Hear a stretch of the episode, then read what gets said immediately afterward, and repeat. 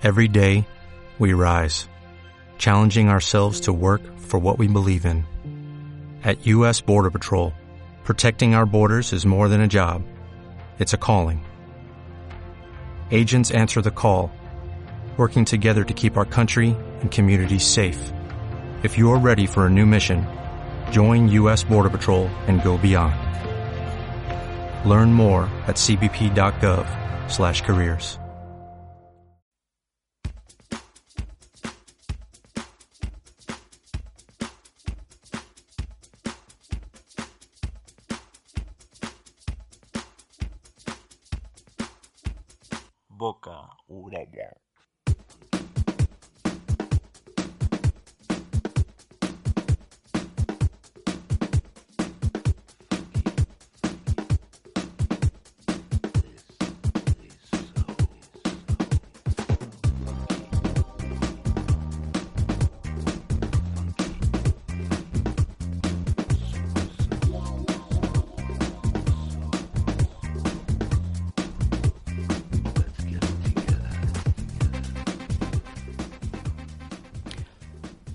bona tarda, benvinguts i benvingudes a un nou Boca Orella, aquest programa editorial de Boca Ràdio, amb aquest programa per la transformació social eh, i que, bueno, que fem en, en, en directe justament ara des de l'Espai Jove Boca Nord i per tota Barcelona.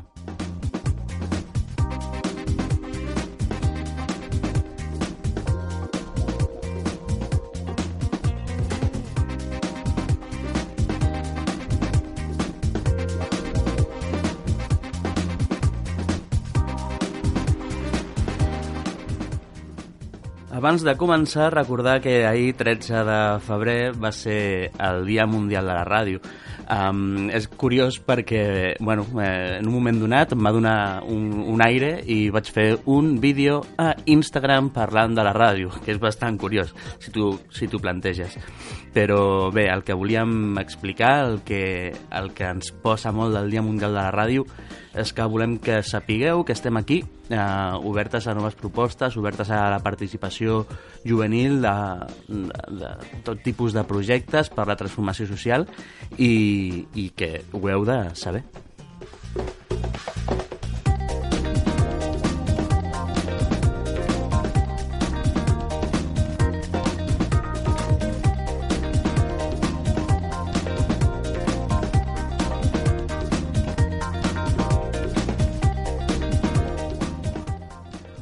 Paral·lelament, les companyes Alba i Cris van estar um, amb Ràdio 4, el programa d'Altra Ràdio, que van tenir la, la gentilesa de convidar-nos a explicar, a explicar el projecte. Um, i, I bé, el que passa sempre, no?, amb, amb ràdios, diguem-ne, potser no generalistes, però sí amb certes dinàmiques, vam tenir molt poqueta estona per, per explicar de què tracta, però bé, per això tenim el boca-orella, no?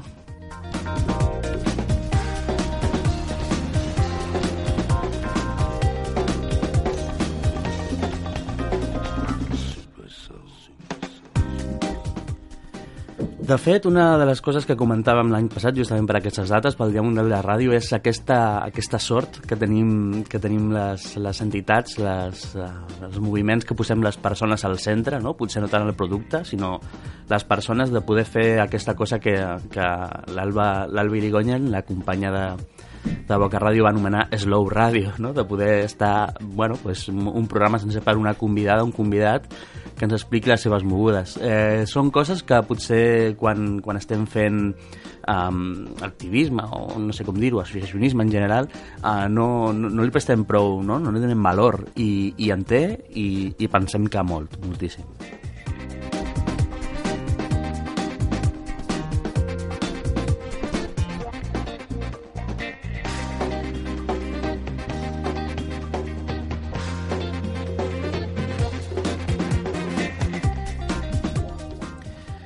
Bueno, mmm, prou de, de parlar d'històries i, si us sembla, us explicarem de què va aquest Boca Orella d'avui, començant pel nostre sumari.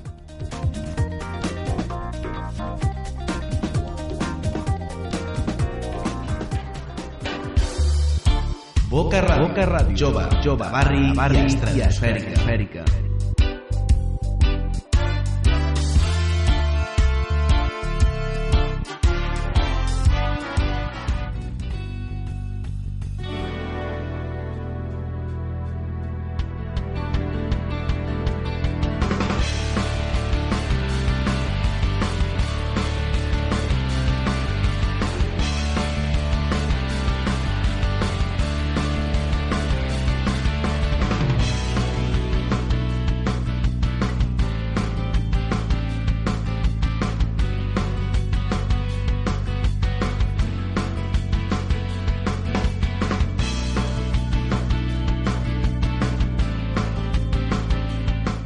Avui aquest primer boca-orella una mica oxidat perquè crec que porto sense gravar bastantet. Um, volem parlar d'unes mogudes que, que ens agraden molt perquè ens agrada la, la tecnologia i és del, del Mobile Social Congress. Parlarem amb l'Alba Atrapat de Setem sobre què significa uh, poder posar en el centre de les tecnologies a les persones.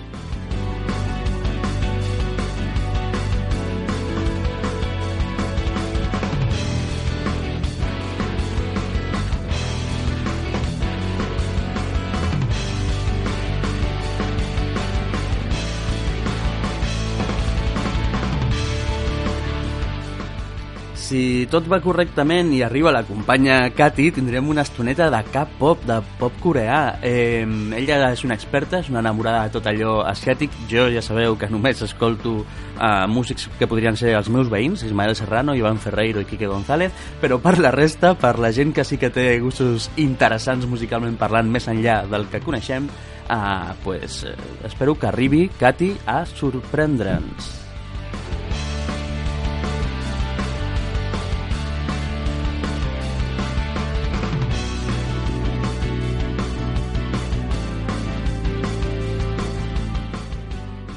I per últim parlarem de la Lali Jove, la festa eh, major de Sant Eulàlia associativa i juvenil que, bueno, amb, juntament amb el Consell de la Joventut de Barcelona i les entitats que en formen eh, part, doncs muntem cada any, ja és el quart any que la, que la fem, eh, serà el moll de la fusta, però després en parlarem una mica més de quines activitats i concerts ens porten.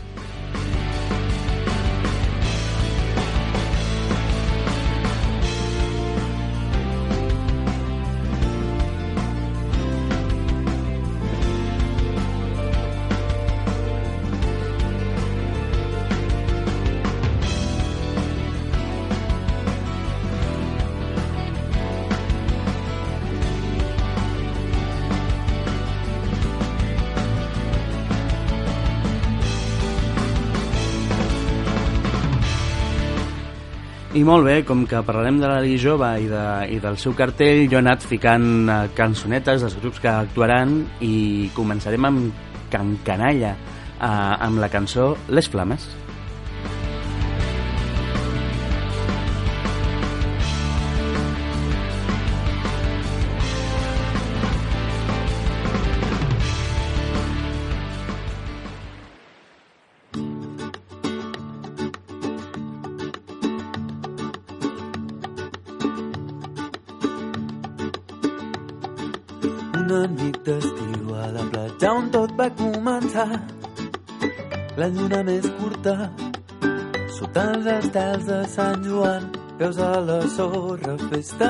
Rumbes i petards.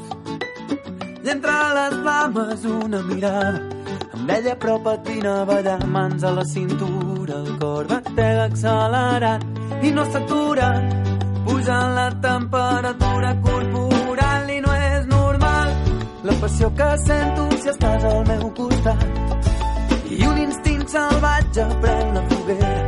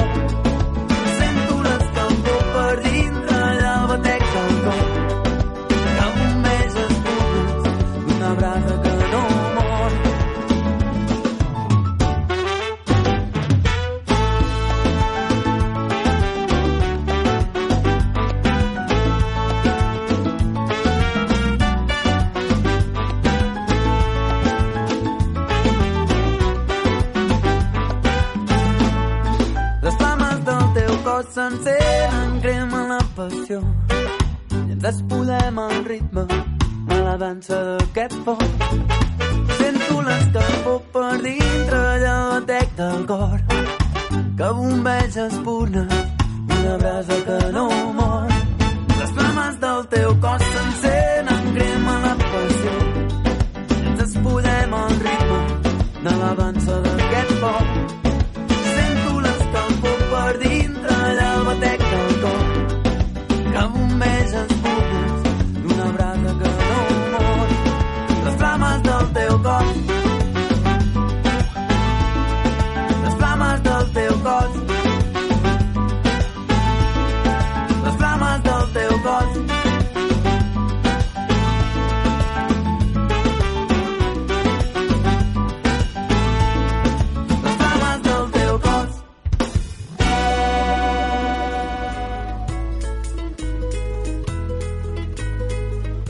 Boca Orella, canvia el món amb Boca Ràdio.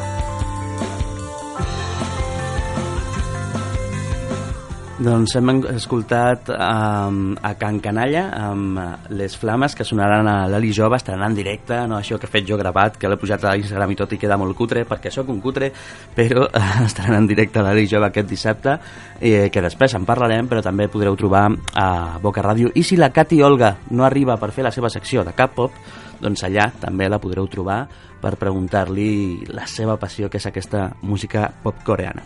Ara sí, comencem amb la primera entrevista. Tenim al telèfon a Alba Atrapat. Molt bona, Alba. Hola, bona nit. Què tal, com estàs? Bé, gràcies. Primer de tot, gràcies per atendre'ns perquè vaig avisar amb molt, molt poc temps i, per tant, gràcies per aquest esforç. A vosaltres. Deia, deia a l'inici del programa um, de parlar del Mòbil Social Congress com una forma de posar um, les persones al mig de la tecnologia en comptes dels productes. Seria una bona definició d'entrada del Mòbil Social Congress? Doncs sí, seria una bona definició d'entrada. I quan dius les persones, nosaltres ho volem centrar molt en les persones afectades, que tenen afectats els seus drets humans i laborals en tota la cadena de subministrament, la mineria i la manufactura sobretot, i també les persones usuàries, no? les que finalment fem servir aquests dispositius i uns serveis tecnològics molt monopolitzats. He vist que, bueno, he vist, sabem que aquesta, que aquesta iniciativa ja porta, no sé si és el tercer, quart any, um, que... Tercer. Tercer, oi? Uh -huh. Que ho feu des de, des de setem. Des de Setem, sí, Setem Catalunya. Setem Catalunya, perfecte. Um, no sé si, um, bueno, eh, si ens vols explicar una mica aquesta tradició de la pròpia, de la pròpia entitat de per què es preocupa per aquests, per aquests temes, o sigui, com, com uh, tracta de canviar la, la, la realitat i després continuem amb el Mòbil Social Congress.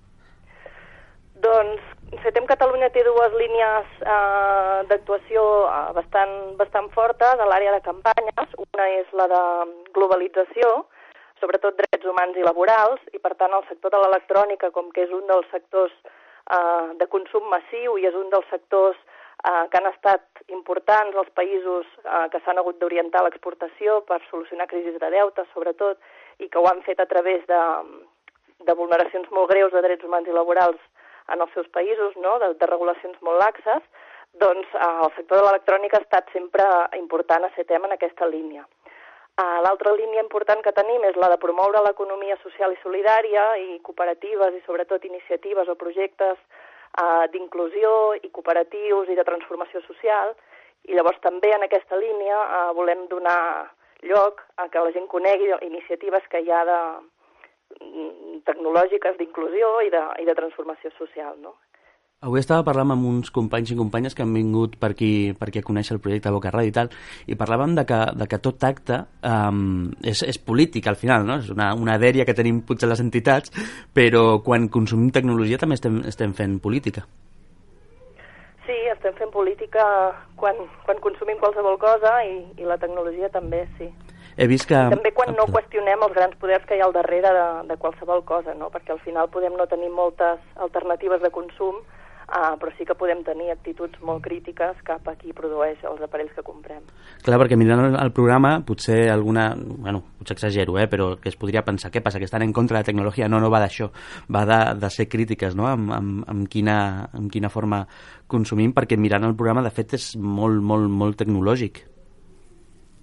Sí, no, en cap moment anem en contra del, del progrés tecnològic, però sí que volem uh, posar èmfasis en qui té la responsabilitat de quina és la tecnologia que tenim i sobre qui recau el pres de produir-la, no? Són temes que queden molt obviats en el discurs uh, que vindran aquests dies al voltant del Mobile World Congress, que és de més innovació, de més producció, de més consum, no? de més tecnologia a la nostra vida, i sembla que no, no acabem de, de treure les cares més ocultes no? Del, dels impactes que té tot això i nosaltres ens agrada que això estigui també sobre la taula. Clar, perquè innovació és com una paraula que ens han robat, per així dir-ho, no? perquè penses, bueno, fins a quin punt uh, certes coses és innovar, o sigui, de vegades la paraula pot estar buida de significat, si no, si no és en, un, en una línia, si no és posar unes idees al centre, innovar potser no és aquella idea idíl·lica que tenim al cap del que significa fer coses noves.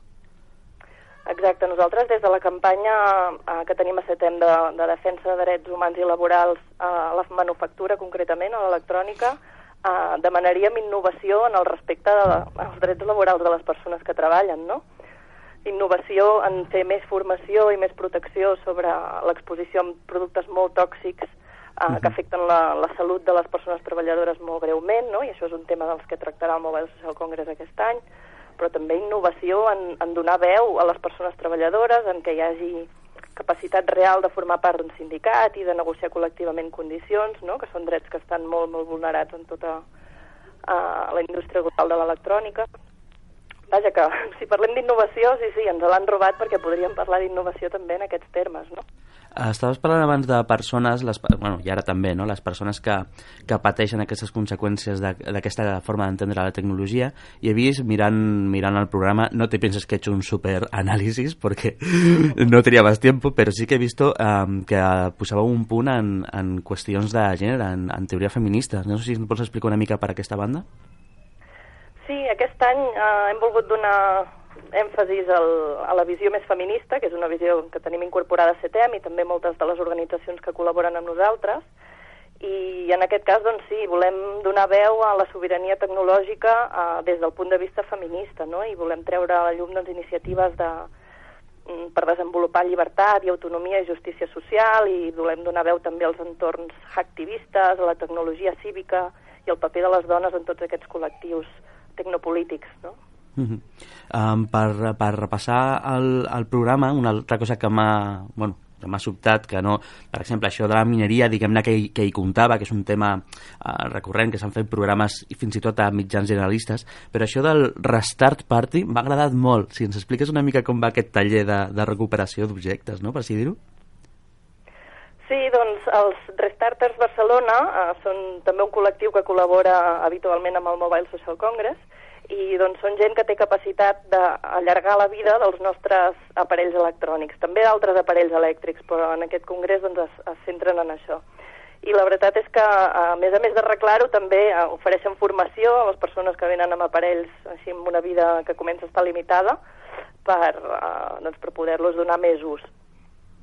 I és una manera també de reivindicar que, que també les empreses, eh, quan parlen d'innovació, en el fons estan parlant de tecnologia comptagotes i d'aparells que estan molt, molt ajustats eh, a la, a, al temps de garantia, no? La seva vida acaba just quan s'acaba la garantia, molt sovint, no? Uh -huh. És una manera també de fer promoure més consumisme i, i majors beneficis per, per les marques, clar. I sobretot la idea moltes vegades falsa de, de podràs fer més coses, no? que al final jo no sé si hi ha algú aquí que faci un ús de tecnologia, diguem-ne, brutal, però eh, que quan comprem un mòbil potser estem fent el mateix que fèiem amb l'anterior, no? per dir alguna cosa. O sigui que també sí. et venen idees d'innovació que, que potser no, tampoc ni tan sols explotem, no? com podríem.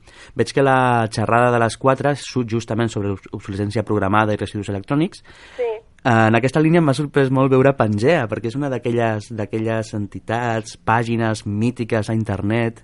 Eh, bueno, no sé si ens vols explicar una mica quina taula, quina taula tenim. Sí, parlarem d'obsolescència programada de residus electrònics um, i sí, aquí traiem el tema també de la reutilització i de la traçabilitat de l'electrònica. No? Llavors, um, hi ha un projecte on hi ha Pangea i també RIUS, no? que són uh, doncs, diferents iniciatives per un ús uh, solidari de la tecnologia, Uh -huh. que estan treballant en desenvolupar una llicència que permeti fer una traçabilitat del producte i que es puguem saber si encara té ús en el moment que ens en vulguem desprendre i que no sigui una decisió simplement de la persona que té, que té aquest aparell, sinó que hi hagi una comunitat que estigui fent aquesta supervisió. Això seria...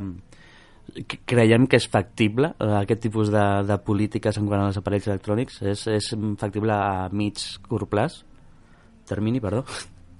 Sí, sí, sí, és perfectament factible. I hi ha maneres i moltes investigacions al darrere també per fer millor traçabilitat. Una és exigir més transparència a les marques, que no volen divulgar on tenen les fàbriques, amb qui treballen, però eh, hi ha maneres d'exigir-los i una és a través de la contractació pública, no? és una línia que també Mhm. treballem des de CETEM, Uh, però l'altra és també doncs, investigant els aparells mateixos i tots els codis interns que tenen, no? I això també ens dona informació sobre la traçabilitat, que els, les persones usuàries de, de nivell molt bàsic, òbviament, no, no podem tenir, però que sí que hi ha entorns on, on estan fent aquest treball. Clar, jo plantejo, eh, per exemple, aquesta entrevista no? o, o, o d'altres de caire tecnològic des d'una ignorància tan absoluta que em fa por, no? perquè penses, ostres, quin tipus de persones, de públic, de persones interessades acaba, diguem-ne, eh, caient en que això és important. Diguem-ne que les persones que aniran al Mobile World Congress potser no són, no són el target, no? O com, com serien aquestes persones que, que assisteixen? No, les persones, o sigui, el nostre públic és, és públic molt general, no? I és públic inquiet Mhm. per, eh, per conèixer una mica més què hi ha al darrere de tota aquesta aparença maca que té l'electrònica i que té també un interès per, per construir un món millor, per trobar iniciatives d'economia social i solidària, per fer un consum crític i per exigir responsabilitats a qui les té, que són les marques. I una mica aquest és el discurs i l'espai de debat que oferim. En quant a economia social i solidària, veig també que estan les companyes de Som Connexió. Sí, Això és una alternativa superclara, superactual, una cosa que ja podem fer, no? Que un, un canvi eh, automàtic, més enllà de pensar si podem o no mm, pensar on acaben les, les, les nostres, els nostres catxarros electrònics, això de Som Connexió, de contractar des d'aquesta perspectiva cooperativa, ja és una realitat. Sí, també som Connexió, són col·laboradores habituals del Mobile Social Congress i ens agrada molt poder donar-los veu i poder explicar una mica quines són les novetats de la cooperativa, que, com dius, és una cooperativa sense ànim de lucre, a més a més, de l'economia social i solidària, que dona serveis de telecomunicacions a, a preus molt assequibles, no? i això també eh, s'ha de remarcar molt. Uh, molt bé, doncs això serà el... Espera, que no em vull equivocar, que estic mirant aquí en el cartell. Millor digue-m'ho tu, perquè no ho trobo. On, on podem assistir el 27 de febrer i el 28 per parlar de tot això? Doncs sí, 27 i 28 de febrer al Pati Manning de Mhm. Barcelona, que és el, el carrer Montalegre número 7, Molt bé. I les activitats eh, doncs seran, hi haurà panels, hi haurà tallers, hi haurà entrevistes i tot tindrà lloc a la tarda, entre les 4 i les 8.30 de la tarda. Perfecte. No sé si em deixo alguna cosa, Alba, per comentar alguna cosa que, que voldríeu deixar clara o, o potser la web, coses així. Sí, podeu consultar el web, és mobilesocialcongress.cat, Uh -huh. i allà també trobareu el programa i biografies de les persones ponents, abstracts i una mica més d'informació. Molt bé, doncs de veritat, moltes gràcies per atendre'ns perquè avisàvem super poc temps. Eh, felicitats per la iniciativa, que any rere any, jo sempre que parlo amb la gent del Sobtec i amb vosaltres us dic el mateix, que, ostres, que quina passada, no?, que, eh, que esteu fent aquest tipus de, de mogudes per, per, bueno, per al final dir que aquesta tecnologia ens impacta molt i que, i que volem les persones al centre. De veritat, felicitats. Doncs moltes gràcies a vosaltres per Vinga. també donar-nos l'oportunitat d'explicar els nostres continguts. Vinga, seguim. Gràcies. Merci. Adéu, adéu. Adéu.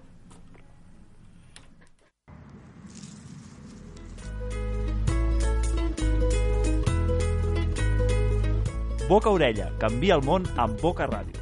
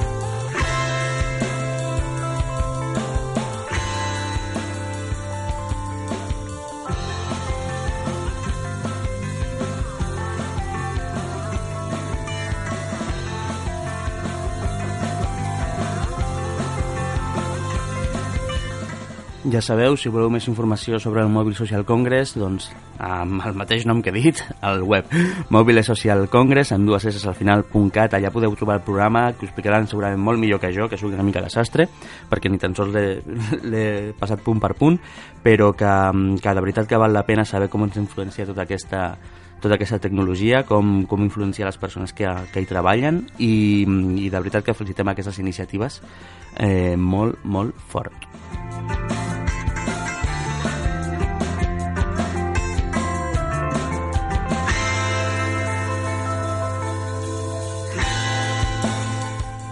Continuem amb la música que sonarà que sonarà a l'Ali Jove eh, fent aquest eh, mini repàs ràpid que després en parlarem de les activitats i escoltem ara a Mafalda amb Sara Eve amb, i bé, és La Llorona.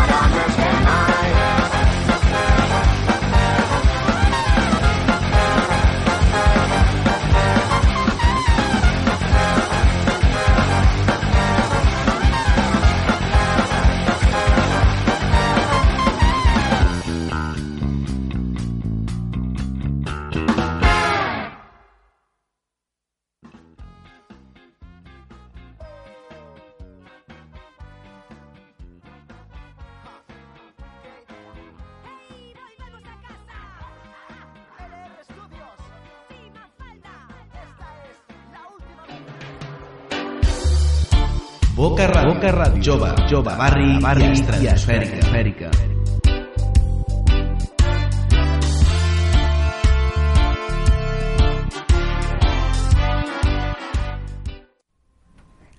Hola a todos, 안녕하세요. 저는 가디올가입니다. Me llamo Katiolga. Bienvenidos a K-Pop Radio. Bueno, eh, yo soy una joven de 18 años que es una apasionada y encantada del mundo asiático, principalmente de Corea del Sur, y yo pues os hablaré de la música surcoreana en general, por mucho que algunas veces obviamente nos iremos a Japón, a China, a Taiwán, en algunas partes de Asia, porque este género musical de verdad no se sabe exactamente de dónde viene. En definitiva, ¿qué es el K-pop? Pues mira, el K-pop es un género musical que nació en las décadas de los años 90 después de la separación de la península coreana entre el norte y el sur y todo esto. Y este género musical se ha vuelto muy famoso hoy en día. Mucha gente alguna vez, bueno, habéis oído la canción quizás de la de Canon Style Ipsy, que es la esta del caballo que todo el mundo bailaba en 2012. Gracias a esta canción, este género se ha vuelto famoso. Pero esta canción no hace parte de este género. Entonces, bueno, el primer grupo, para así decirlo, que llevó esta canción. Es un grupo que se llama Solte G and Boys, que es un cantante muy famoso surcoreano. Y una de las canciones muy famosas que hizo famosa este grupo es la canción que se llama Come Back Home, que es una canción principalmente que habla de, bueno, la mayoría de los jóvenes coreanos que se van de casa, buscan la feina, lo que un joven de 18 nos haría ir a casa, estudiar, ver un poco lo que es la vida de un adulto, pues esta, esta música habla de después de esto, pues si ves que no lo has logrado, que no puedes, pues es hora de volver a casa y luchar más junto a tus familiares. Y os voy a poner la versión moderna que ha hecho un grupo que se llama BTS, que es un grupo que nació en 2013, y luego nos vamos a profundizar un poquito más hacia el mundo de K-pop.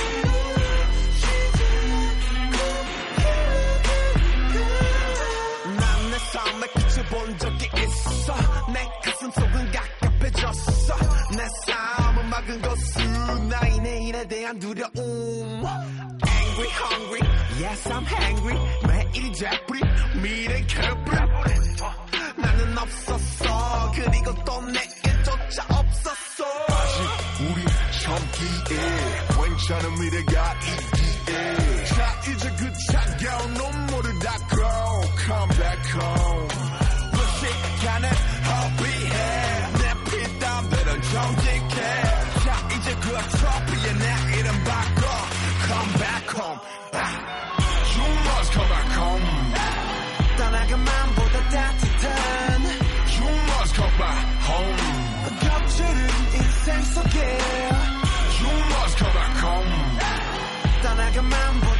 Ok, esta es la famosa canción Come Up hecha por BTS. Bueno, eh, es una colaboración que hicieron con Sol uno de los miembros y primer cantante de K-pop.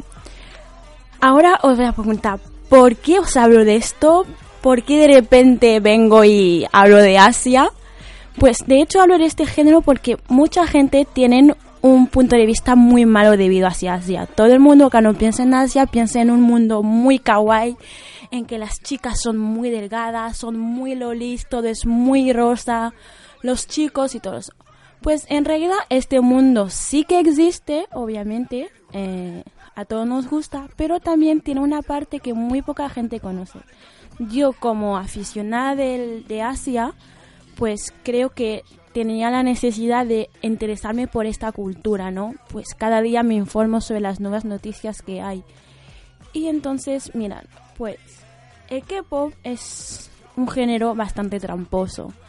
Principalmente, bueno, está conocido porque a ver, cantan en coreano las Bane Boys, que son los grupos de chicos, ¿vale?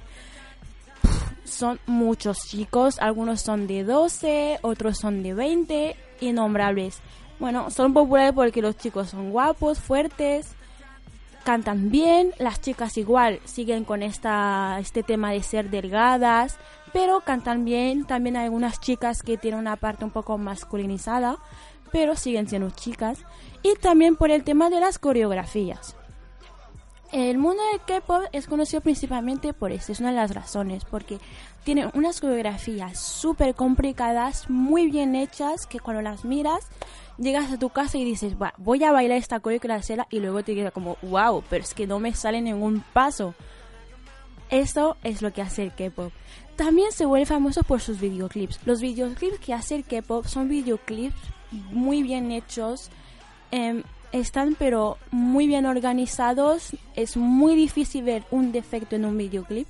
Hasta si un artista se equivocó en un momento en que grababa, tú no lo vas a ver que se ha equivocado. Por ejemplo, un grupo muy famoso que es el grupo EXO, en los primeros videoclips, en una coreografía, uno de los bailarines de EXO, Kai, llevaba una gorra. ¿Qué sucedió? Que se le cayó la gorra, pero normalmente no se tenía que caer, se tenía que quedar y, bueno, faltó el siguiente paso.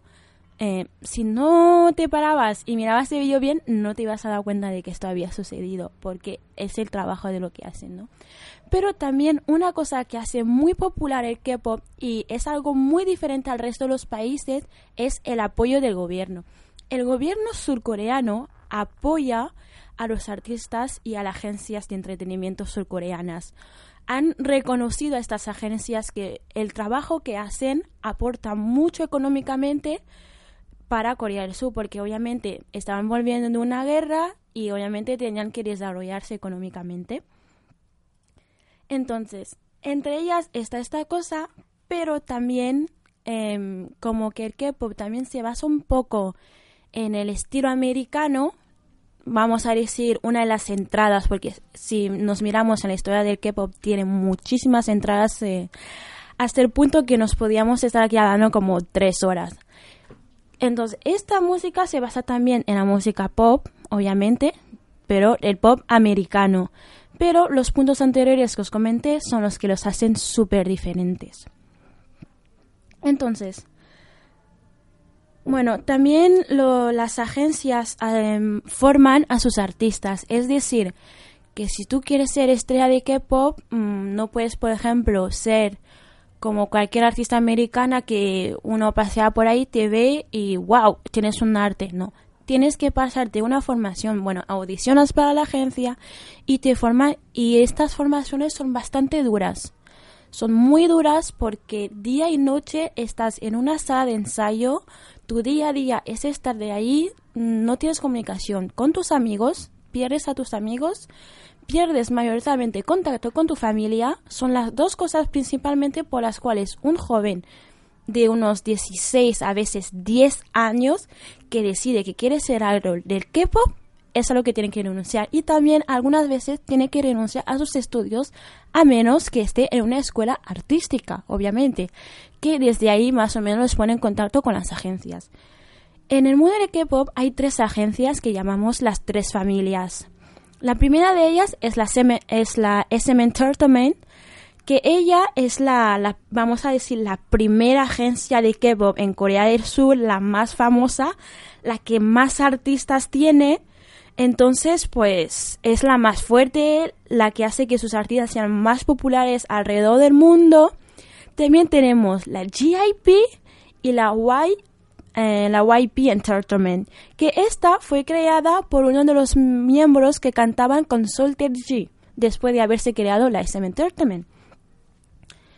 Eh, también os quiero informar que esta, este estilo musical es muy famoso sobre todo en América Latina, en el norte de África y una vez es un poco en el sudeste de África también y después va por el occidente.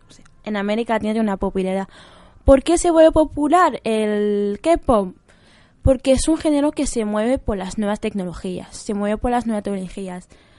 También porque cada dos por tres nacen nuevos grupos. Mm, Porque un grupo, bueno, a lo mejor hay un grupo que está bien, todo va bien, se queda, por ejemplo, como Big Bang o Girls' Generation, que más adelante os hablaré de esos grupos, que estos grupos son grupos que iban desde los años 2000 hasta hoy, en día, siguen siendo y son famosos. Si eres amante de K-pop, tienes que conocerlos sí o sí. Pero hay grupos que se acaban dividiendo por X razones o simplemente por falta de popularidad o poca aportación económica a la agencia, ya no existen. Yo, por ejemplo, eh, ayer estaba mirando mm, grupos de K-Pops eh, yo me quedé boquiabierta porque había un gru- grupos que yo me preguntaba, pero ¿cuándo se creó este grupo? Porque no sabía si existían. Por ejemplo, vamos a escuchar eh, una canción, vamos muy antiguamente, que es el primer, vamos a decir, el primer grupo de K-pop masculino, en la categoría masculina que hay. Y este grupo, por ejemplo, pues unos cinco años después de estar activos, se acabaron dividiendo por poca aportación económica. Una de las razones principales es esta. También después vamos a escuchar a una cantante se llama Boa. Esta cantante está desde los años 2000 hasta hoy en día, sigue cantando y se ha vuelto muy famosa.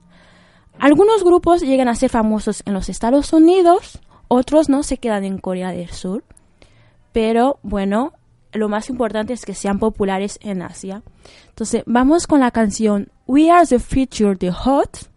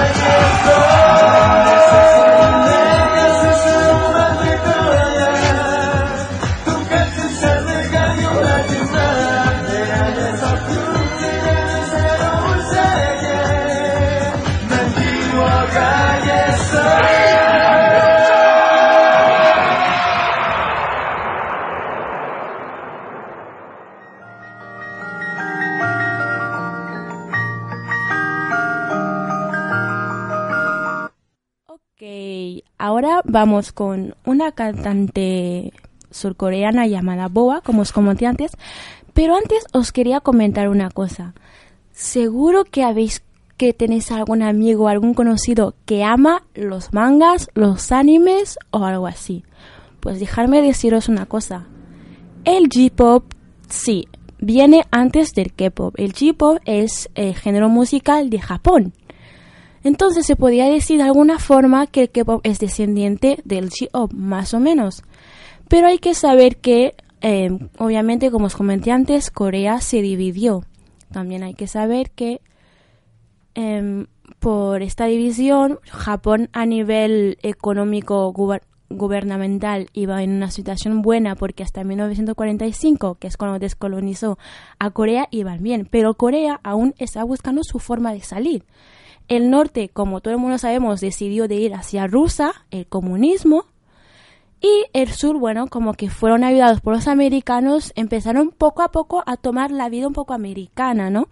Más adelante, en otros momentos, pues os explicaré un poco cómo todas esas influencias que tiene Corea, porque Corea es un país que tiene influencias principalmente de casi todo el mundo entero. Es como Brasil, pero no tanto que sí que hay mucho más coreanos que latinoamericanos ahí. Y una curiosidad que a todos nos deja muy curiosos es cómo es posible que en América Latina hay este género, cómo es que la gran mayoría de los jóvenes latinoamericanos conozcan y son unos fanáticos, igual que yo, de, de esta música, que yo soy africana, pero igualmente. Entonces, claro, es algunas veces si te paras a mirar, a pensar, puedes decir, pero es que todo está organizado. Si los que salen tan perfecto, eh, no se equivocan ni nada, es porque todo está bien organizado. Porque si sabes de J-pop o sabes de anime de manga, seguro acabarás sabiendo de K-pop, acabarás sabiendo de muchas cosas. Pero en realidad, si nos paramos a mirar en las fechas de los momentos, nada está organizado. Influencias que llegaron así porque sí y punto. Y acabaron organizándose. Y obviamente, con tantas influencias, algunas personas no llegaron a una información, a otras otra, y no las estamos uniendo. Entonces yo de verdad no estoy criticando el K-pop porque es que me encanta. Desde que me levanto por la mañana hasta que me voy a dormir lo estoy escuchando, hasta que mis amigos ya me dicen que no pueden más. Pero creo que hay una realidad que no nos enseñan que tenemos que saber, tenemos que conocer. Y después de esta canción os hablaré de una de esas realidades, una realidad bastante reciente, bueno, de unos dos, tres años, luego os hablaré de esto. Entonces, vamos a ir con Boa, que esta cantante a mí la descubrí, sinceramente, la descubrí ahora como unos cinco o seis meses por la canción que cantó, que se llama Camo, que es una canción bastante curiosa y muy interesante. O sea, si tienes ganas de levantarte del sofá de donde estés, bailar esta canción, moverte, muévete bailar porque es una canción que de verdad da muchas ganas de moverse. Igualmente si estás en el coche, mejor que no lo hagas. Ahí vamos con Boa, Camo.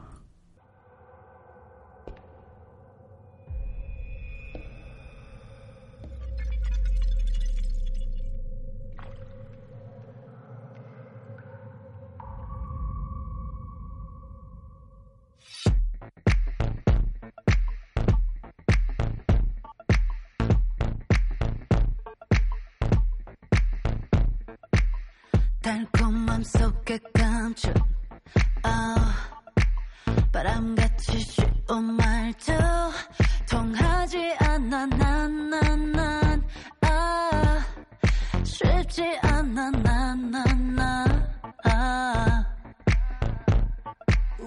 가슴 떨릴 흔한 situation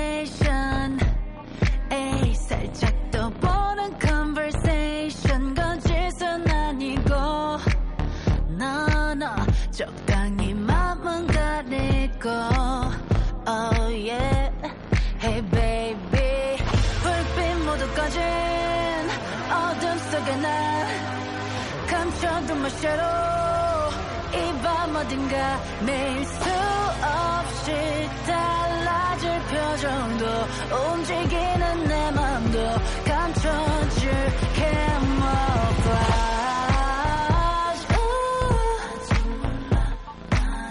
예, 깜짝 놀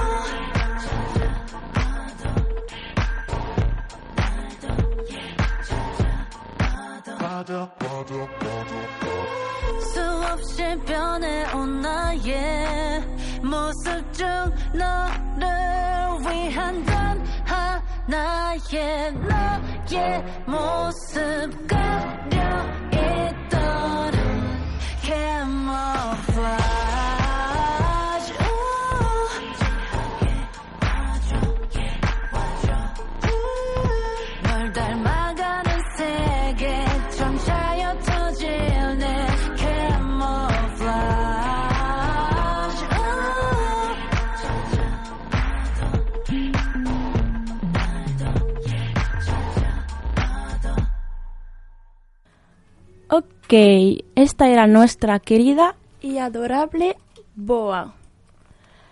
Bueno, por hoy os dejo aquí y os quiero informar una cosa últimamente. Si tenéis mucha curiosidad sobre esto, os quiero decir que los fans de K-Pops lo que hacemos nosotros es aprendernos estas coreografías tan complicadas algunas veces y bueno, eh, participamos en concurso en el Spy Show a Bocanor el próximo 3 de marzo, que cae un sábado por la tarde a partir de las 5, se celebra un concurso de K-pop en que si alguien está curioso puede venir a verlo porque van a haber unos grupos súper buenos que obviamente estas personas no, no es su profesión, no son sus estudios, pero por amor y pasión se pasan algunas tardes de su vida, pues las dedican a practicar aprende estas coreografías y nosotros para darle las gracias lo que hacemos es realizar concursos en que les facilitamos en contacto pues a veces con Corea, a veces con algunas agencias pequeñas y todo eso.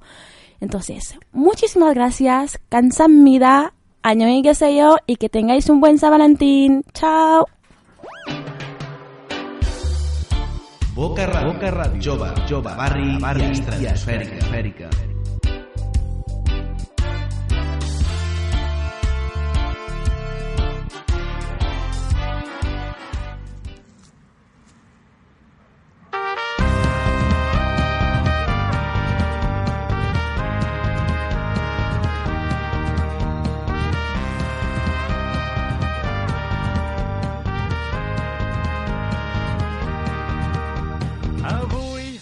comença un dia clar. Tinc un nou pla, tinc un nou pla. Serà de no deixar de somiar, de somiar, de somiar.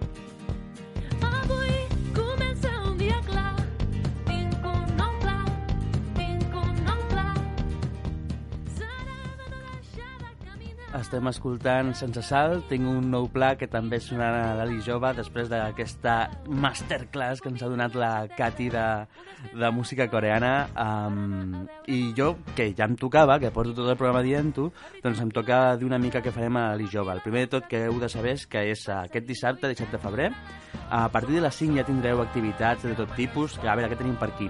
Um, reciclar saltant, circuit de mobilitat, que el fan la Federació Ecom amb la JUP, que això mola molt perquè et posa molt en, en perspectiva del que és tenir diversitat, diversitat funcional. Estarem, per suposat, Boca Ràdio, eh, amb sort, la Cati ens donarà a fer una masterclass més extensa encara sobre K-pop, que ens ha encantat. Um, què tindrem? Tindrem a, a l'SSI Catalunya amb un títol que diu Deixalles, soc sostenible, rebaixes, tinc l'armari ple. O sigui, que ja et deixa clar que, que hem de repensar aquests models de, de consum. Uh, tenim Soft Combat, joc en el qual dos o més combatents s'enfronten entre si utilitzant armes emboatades, o sigui, que simulen armes de diferents èpoques. Molt, molt fric, mm, bueno, ja m'imagino quina gent ho està portant i són gent molt maca. Per tant, passeu-vos. Tenim Estima en colors, un joc de banderes i tabú LGBTI, i, i per suposat els concerts amb Mafalda, que les hem escoltat amb Adala, Sense Sal, que sonen ara mateix Can Canalla, que hem obert el programa amb ells i Ominira, el grup guanyador del Festival Brot 2018. Amb això ens acomiadem d'aquest boca-orella, de recordar que el Mobile Social Congress està molt a prop, que és molt necessari repensar les tecnologies, visca la ràdio juvenil i associativa i fins una altra.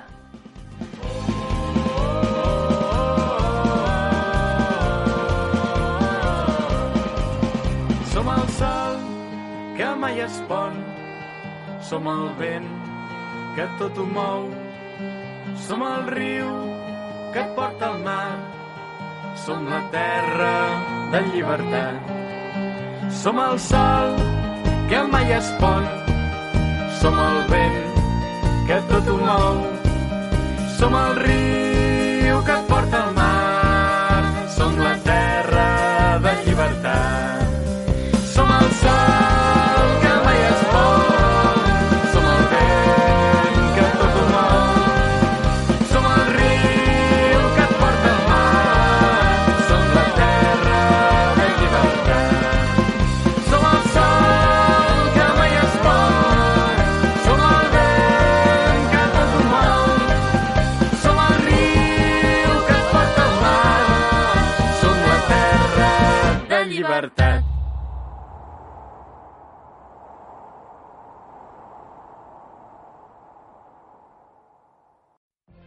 What if you could have a career where the opportunities are as vast as our nation, where it's not about mission statements, but a shared mission? At U.S. Customs and Border Protection, we go beyond to protect more than borders, from ship to shore, air to ground, cities to local communities. CBP agents and officers are keeping people safe. Join U.S. Customs and Border Protection and go beyond for something far greater than yourself. Learn more at cbp.gov/careers.